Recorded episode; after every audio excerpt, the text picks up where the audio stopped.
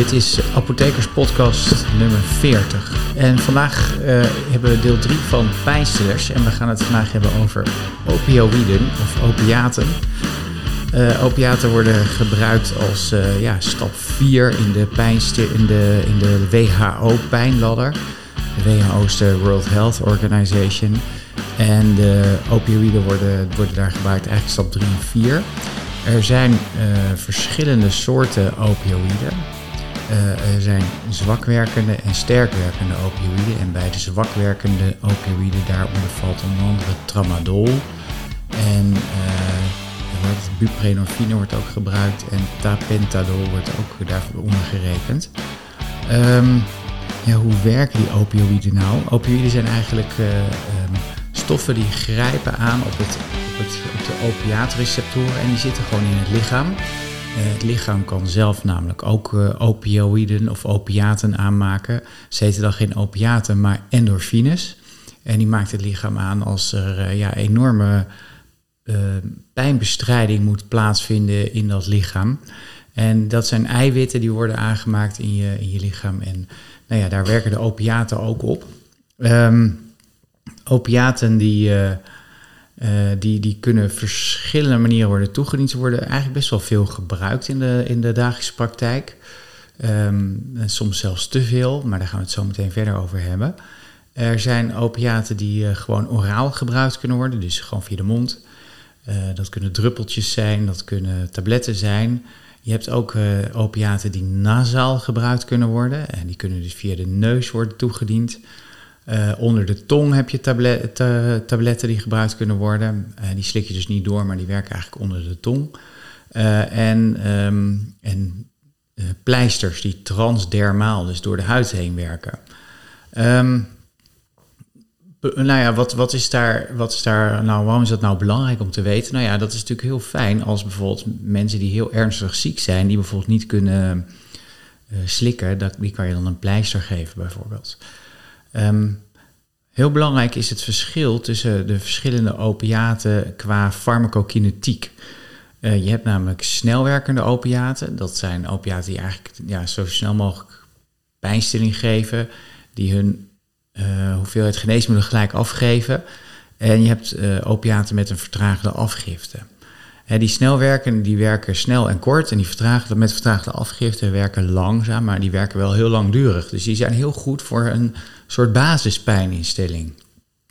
En ook dat is belangrijk, omdat je natuurlijk te maken hebt met verschillende soorten van pijn die je kan, uh, die, die, die je kan behandelen.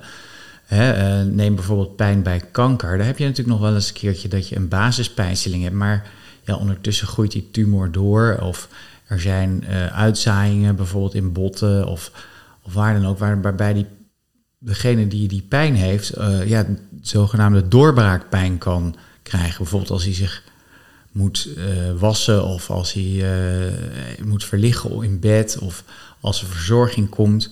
Nou, dan zijn die snel werkende opiaten heel erg fijn, want die kunnen acuut die pijnstilling verzorgen. En die werken vrij kort en de basispijnstilling zorgt dan voor voldoende pijnstilling. Um, nee, dat kan natuurlijk ook zijn als die tumor verder groeit, dat je dan ook meer pijn krijgt en tussentijds meer pijn. Nou, dat, dat verschil tussen die langwerkende en die kortwerkende, hoe je dat moet doseren, komen we zo meteen nog op. Um, opiaten worden ook vaak gezien, daar is heel veel angst voor bij mensen, want die denken, ja, als ik echt aan de morfine kom, nou, dan is het wel heel slecht met me gesteld. En nou ja, dat is natuurlijk ook een beetje een, uh, een, hele. Het is eigenlijk een hele begrijpelijke reactie, maar die is niet altijd terecht. Want er is natuurlijk, morfine is gewoon een hele goede pijnstiller. En er is ook heel veel ervaring mee opgedaan. Um, desalniettemin is het toch zo dat, uh, dat pijnstillers, dus opiaten, ook een aantal nadelige bijwerkingen hebben. Hè, waarvan één bijvoorbeeld verslaving is, waar mensen heel vaak heel bang voor zijn. Maar die eigenlijk bij pijnstilling niet, al, niet heel erg veel optreedt. Uh, tenzij je in de Verenigde Staten woont, waar natuurlijk een enorme uh, crisis is aan overgebruik van opiaten. Dat komt in Nederland ook wel een beetje, maar het is niet zo extreem als in de Verenigde Staten. Um, Nou, die bijwerkingen verder van opiaten zijn eigenlijk de meest voorkomende zijn eigenlijk dat verstopping, hè, obstipatie en misselijkheid komt heel veel voor. dat is, die obstipatie komt vooral voor in de, via het centrale zenuwstelsel en ook via de darm waarbij de motiliteit, dus de, de, de darmbewegingen afnemen. En ook de spanning in de anale sphincter neemt toe. Dat is een soort kringspier. En die neemt toe, waardoor mensen minder makkelijk naar de wc kunnen en er verstopping ontstaat. Dat is heel nade, heel vervelend. En het, wordt dus, het komt ongeveer in de helft van alle gevallen voor, net zoals die uh, misselijkheid. Ehm, en het is daarom heel erg belangrijk om bij die opiaten altijd een laxans te geven. Dus een middel wat zeg maar uh, laxerend werkt. Vaak wordt daar macro, macrogolf voor gegeven. En ja, wij geven dat eigenlijk in de apotheek sowieso bijna altijd mee aan mensen. Tenzij mensen echt helemaal geen last van uh, die obstipatie hebben. Maar uit voorzorg is het wel belangrijk om dat alvast te gaan gebruiken. Want als die, uh, die darm helemaal stil komt te liggen, dan kan er ook een soort ja, ilius-achtig beeld. Het lijkt een, soort verstopping kan ontstaan. En er worden regelmatig mensen mee opgenomen doordat zij geen um, laxeermiddel gebruiken. Nou, verder kunnen die opiaten kunnen, uh, um, die kunnen uh, slapigheid geven en kunnen ook braken geven. Dat komt, komt ongeveer 25% van de gevallen voor. Een droge mond komt bij 1 op de 5 mensen voor. Maar meestal treedt er na enkele dagen treedt er een soort tolerantie op, waardoor dat, dat effect eigenlijk verdwijnt. Een jeuk komt regelmatig voor en pupilvernauwing komt voor. En bij oudere mensen die daar gevoelig voor zijn, kun je ook verwarring krijgen, verwardheid. en uh, ja, in het bijzonder moet je dan een beetje opletten bij morfine. Want morfine wordt in het lichaam omgezet onder andere in morfine-glucuronide, morfine 6-glucuronide. Uh, en dat is een middel uh, wat wel effect heeft, ook als opiaat, maar door de nier wordt uitgescheiden. vaak zie je bij oudere mensen dat de nierfunctie wat minder is of niet zo goed is. En daardoor cumuleert eigenlijk die, die werkzame metaboliet, waardoor mensen verward raken. Nou, dat doseren waar we het net over hadden, daar ga ik nu even over hebben. Dat is, uh, ik zal nog even zeggen welke sterk werkende opiaten we hebben, want dat heb ik volgens mij niet gezegd. de meeste gebruikte in Nederland van de sterk werkende opiaten zijn morfine en oxycodon en fentanyl. En dan heb je nog een wat meer exotische, dat is de hydromorfon en de methadon. Uh, methadon is eigenlijk heel specialistisch en uh, hydromorfon wordt wat minder gebruikt in Nederland. Eigenlijk het meeste oxycodon en fentanyl en morfine gewoon oraal. Um, nou, hoe moet je deze middelen nou doseren? nou, zo'n fentanylpleister is eigenlijk uh, één keer per drie dagen kan je die doseren. Soms wordt dat wat vaker gedaan. Uh, als, de, als die pleister wat, wat sneller zijn werkzaamheid verliest. Maar eigenlijk is dat bijna nooit nodig. Um, de overige medicatie is het belangrijk om twee keer per dag een langwerkend middel te geven. Dus oxycodon langwerkend uh, of morfine langwerkend. En wat je dan doet, en dat is zeker in het geval bij kanker, is dat je de, de, de, dat je die doorbraakpijn goed kan bestrijden. En dat kan eigenlijk alleen maar als je uh, kortwerkend morfine of oxycolon bijgeeft of fentanyl bijgeeft. En dat moet ongeveer een zesde van de, uh, van de, van de, de totale dosering die je als retaar geeft. Als verlengde afwerking. Dus stel je voor, je, iemand geeft, geeft je twee keer 30 milligram morfine per dag. Dat betekent dat hij in totaal dus 60 milligram per dag krijgt.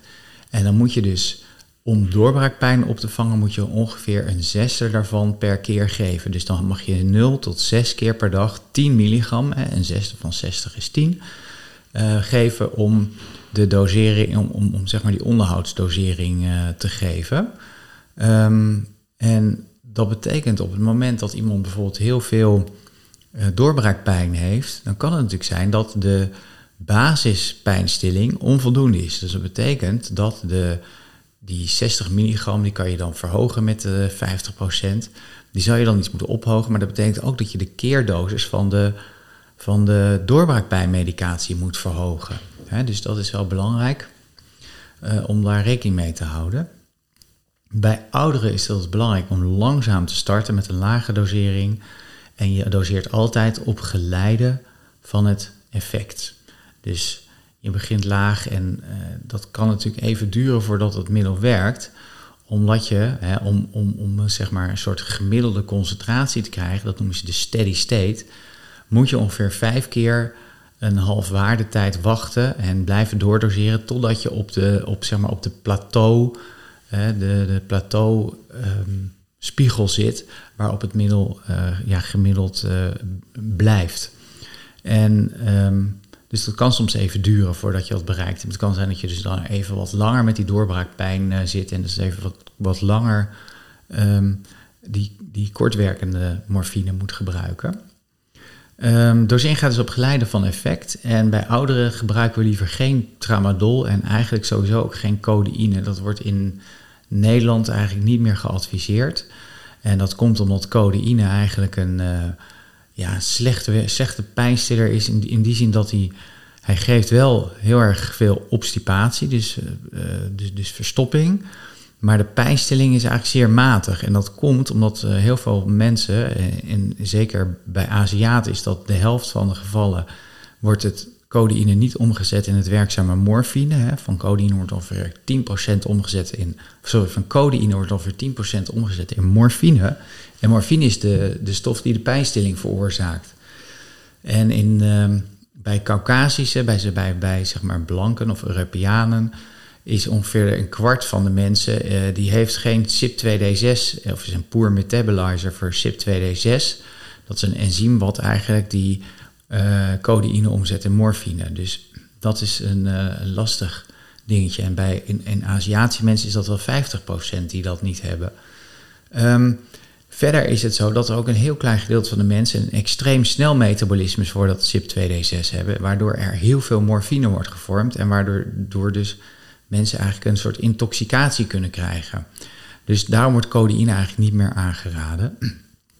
Tramadol is eigenlijk ook een soort Um, ja, daar geldt, geldt eigenlijk ook een reden voor om dat niet te gebruiken, zeker bij oudere mensen niet. Tramadol wordt eigenlijk vaak gebruikt als zwakwerkend opioïd met een andere pijnstiller, bijvoorbeeld met eh, paracetamol. Maar bij ouderen zijn we heel terughoudend, omdat het tramadol toch veel bijwerkingen heeft. Vooral duizeligheid en misselijkheid en braken en hoofdpijn en verstopping, uh, zweten, vermoeidheid, slaperigheid. En um, dat zijn hele nare bijwerkingen. Daarnaast treedt vaker een verlaagd natrium op, een hyponatriëmie, dat komt vaker voor. En bij ouderen leidt dat tot verwarring en vallen, het hoger valrisico. En uh, tramadol veroorzaakt ook nog wel eens een delier. En dat is een acute verwardheid. En dat is eigenlijk een, uh, een, ja, een medische spoed om, om, om daar wat aan te doen. Dus het tramadol, dat wordt vaak gezegd, tramadol is traumaland. Dus tramadol wordt eigenlijk niet zo heel veel meer gebruikt. En het heeft ook een vrij zwak werkende, uh, een vrij zwakke uh, pijnbestrijding. Dus, dus het is niet een, uh, het meest ideale middel. Um, nou, verder moet je natuurlijk uitkijken. Hè, dus bij ouderen moet je uitkijken, maar ook bij mensen met een slechte nierfunctie. Hè, dan moet je morfine bijvoorbeeld vermijden, omdat ja, die morfine 6-glucuronide, een metaboliet die ontstaat, die wil je eigenlijk niet dat die gaat opstapelen bij mensen en dan zorgt voor problemen. Uh, en eigenlijk is bij fentanyl nooit een dosisaanpassing nodig. En, uh, en oxycodon kan ook. Um, bij leverfunctiestoornissen, mensen met een slechte leverfunctie, wat ook wel eens voorkomt bij mensen met kanker natuurlijk, kan je ook fentanyl gebruiken, maar morfine moet je vermijden. En nou ja, bij andere middelen moet je voorzichtig zijn, eventueel de dosering aanpakken. Nou, um, dus dat wat betreft die, uh, die, um, die opiaten.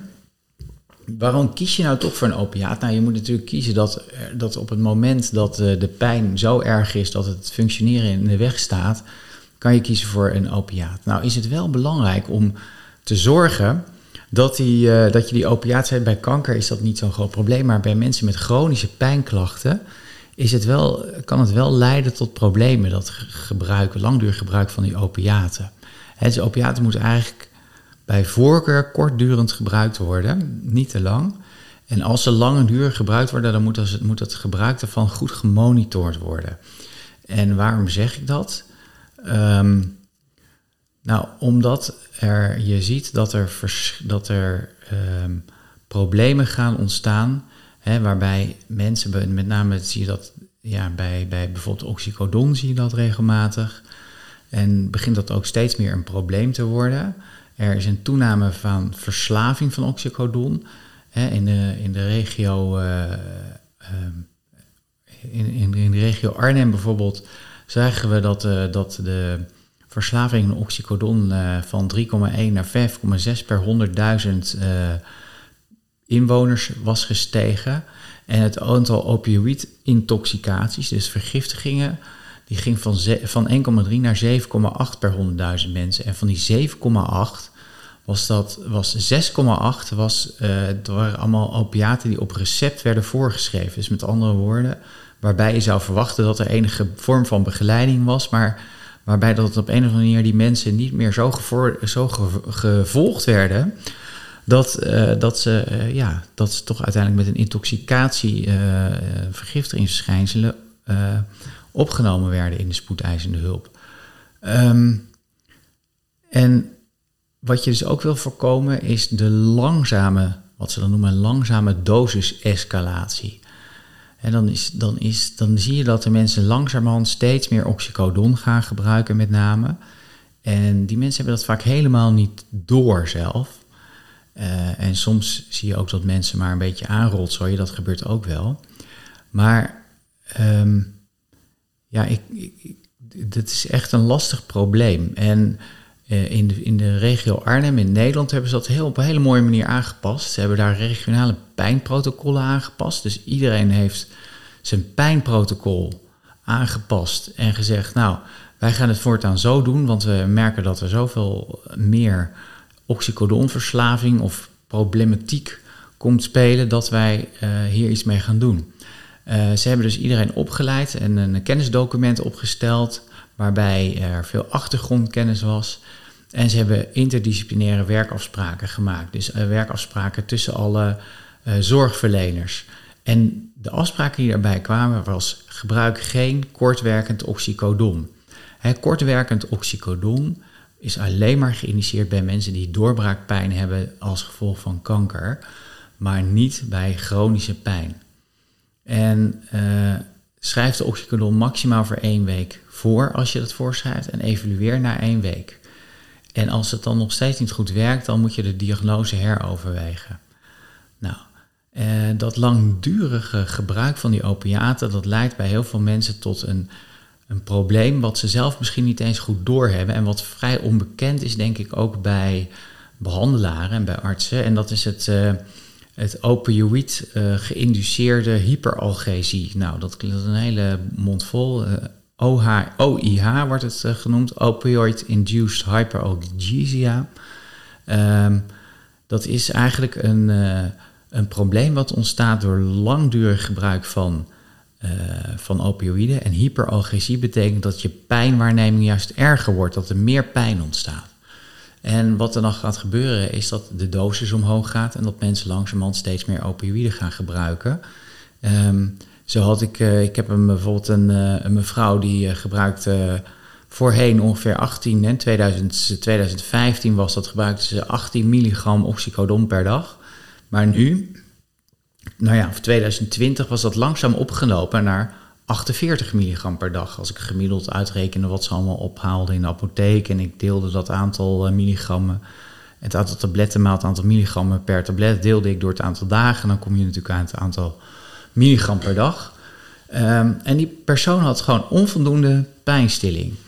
Nou, dat, wat kan zijn is dat, je dan, dat er dan sprake is van dat opioïd geïnduceerde hyperalgesie.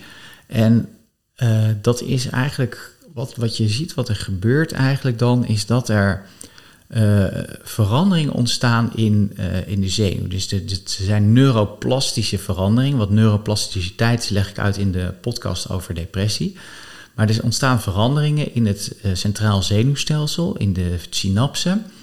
En ook in het perifeer zenuwstelsel. En daardoor ontstaan andere pijnpaden. Hè. Die pijn wordt geleid, die pijn die pijn wordt eigenlijk geleid door zenuwen en die zenuwen lopen door het ruggenmerg, komen in contact met de hersenen en daar ontstaat een pijnwaarneming.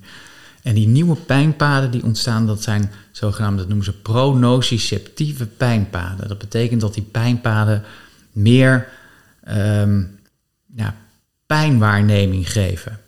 Uh, en daar spelen een aantal uh, systemen spelen daar een rol. En onder andere is dat het glutaminesysteem en het N-methyl-D-aspartaatsysteem. Nou, dat mag u allemaal vergeten, maar ik, ik zal zo meteen daar kort over op, ingaan wat nou precies daaraan gedaan kan worden. Um, maar men moet dus eigenlijk verdacht zijn dat als de effecten van het uh, opioïde verminderen, als mensen dat merken, en de dosering uh, moet, neemt toe of de pijn neemt toe, dat je dan mogelijk sprake kan zijn van, opi van, van het opioïd geïnduceerde hyperalgesie. Um, daarom is ook, uh, hebben ze in, in Arnhem ook die, de, de, de, um, de, de chronische gebruikers van die oxycodon bijvoorbeeld hebben ze opgespoord. En die hebben ze eigenlijk ingedeeld in drie verschillende klassen mensen. Hè. Mensen die uh, wel opioïden al wat langer gebruiken, maar waarbij het nog niet een probleem is, die hebben ze laten afbouwen. Uh, en dat ging heel goed. Um, en mensen die echt een heel erg complex pijnbeeld hadden, die noemen ze somatisch complex, uh, waarbij er onvoldoende inzicht is op de basis van de pijn. En die zijn naar de pijnpolie verwezen. En dan heb je nog de psychosociale complex. Hè, dat zijn mensen die echt verslaafd zijn aan en steeds meer oxycodon willen.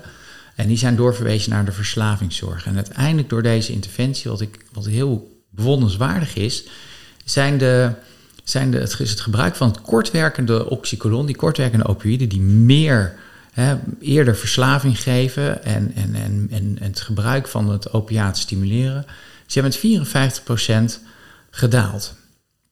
Nou, wat, wat is er nou, hè, als je dat opioïd geïnduceerde uh, hyperalgesie hebt, wat moet je dan doen? Nou, in ieder geval is het belangrijk om dan het opiaat proberen af te bouwen. En uh, verder er, uh, wordt er gebruik gemaakt van N-methyl-D-aspartaat antagonisten.